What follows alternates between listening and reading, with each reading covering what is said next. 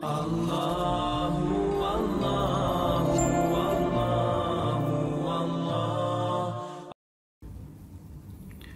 ke-19, sibukkan waktu lowongmu dengan ibadah. Ibu-ibu kalau suami lagi kerja, tidak usah sumpek. Gitu.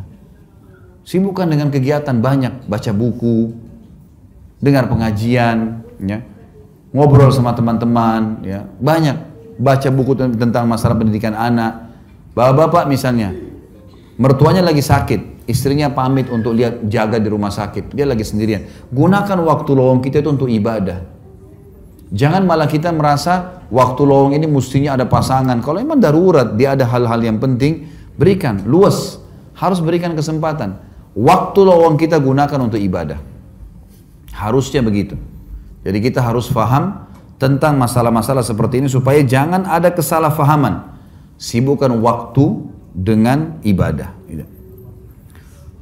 Kemudian yang ke-20 adalah yang terakhir sekali kiatnya cerai pada tempatnya, pertahankan rumah tangga pada tempatnya, dan poligami pada tempatnya. Oh iya, sebentar. Sebentar. Orang cerai misalnya. Cerai itu kalau misalnya memang betul-betul harus bisa di, harus dilakukan karena pasangan kita salah, pasangan kita salah, maka berarti sudah ya apa boleh buat? Cerai. Karena pasangan kita sudah nasihatin berapa kali tidak pernah mau baik. Jalan keluarnya cerai. Pernah ada seorang sahabat datang begini kepada Nabi SAW mengatakan, Ya Rasulullah, inna mraati la taruddul lajul yamis.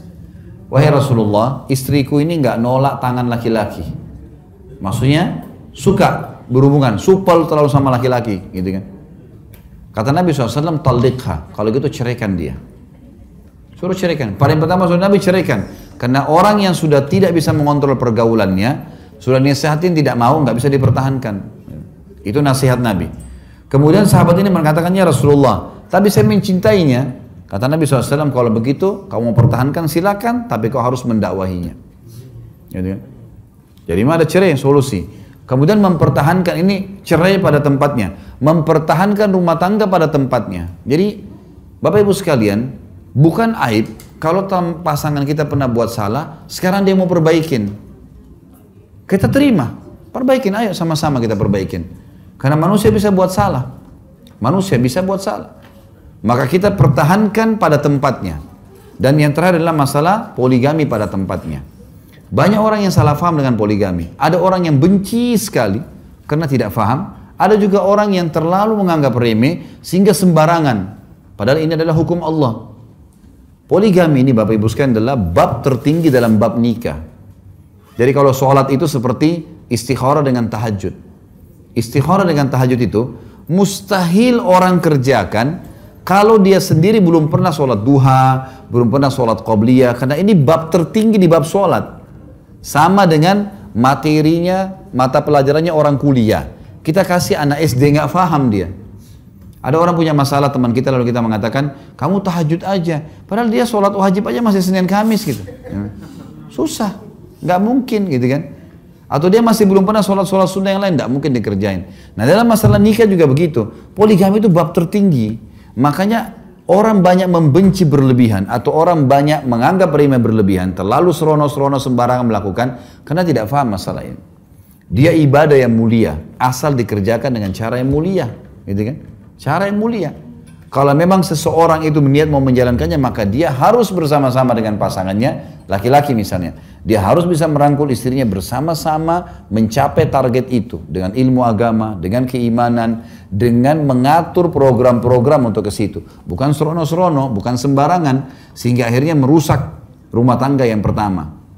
Orang kalau mau buka rumah tangga, orang kalau mau buka perusahaan, misalnya saya, saya buka restoran, saya mau buka restoran lain cabangnya maka harus betul-betul administrasi di restoran yang pertama sudah rapi.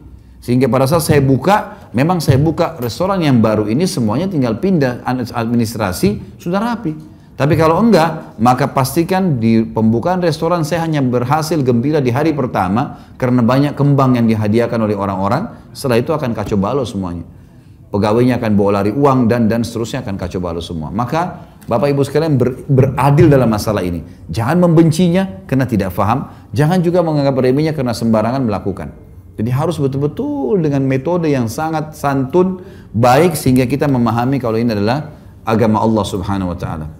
Saya kasih contoh, ada satu orang uh, orang yang saya kenal di Jakarta, dia menikah kurang lebih 15 tahun, nggak punya anak. 15 tahun nggak punya anak. Ini kisah nyata. Kemudian diteliti ke dokter, ternyata istrinya punya masalah. Jadi selain mandul, memang si istri ini punya penyakit, saya lupa jenis penyakit apa pada satu disebutkan.